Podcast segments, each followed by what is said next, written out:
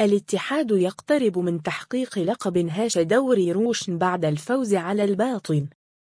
صراحة الرياض.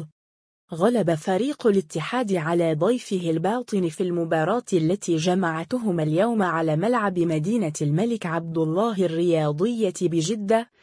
ضمن منافسات الجولة الثمانية وعشرون من دور المحترفين السعودي روشن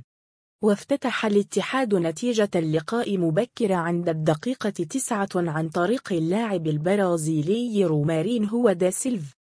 وبهذه النتيجة اقترب فريق الاتحاد من حسم لقب بطولة الدوري بعد أن رفع رصيده لستة وستون نقطة في صدارة الترتيب وبفارق ثلاث نقاط عن وصيفه النصر بينما أدت نتيجة اللقاء إلى هبوط الباطن لدوري الدرجة الأولى رسمياً وذلك بعد أن تجمد رصيده النقطي عند 19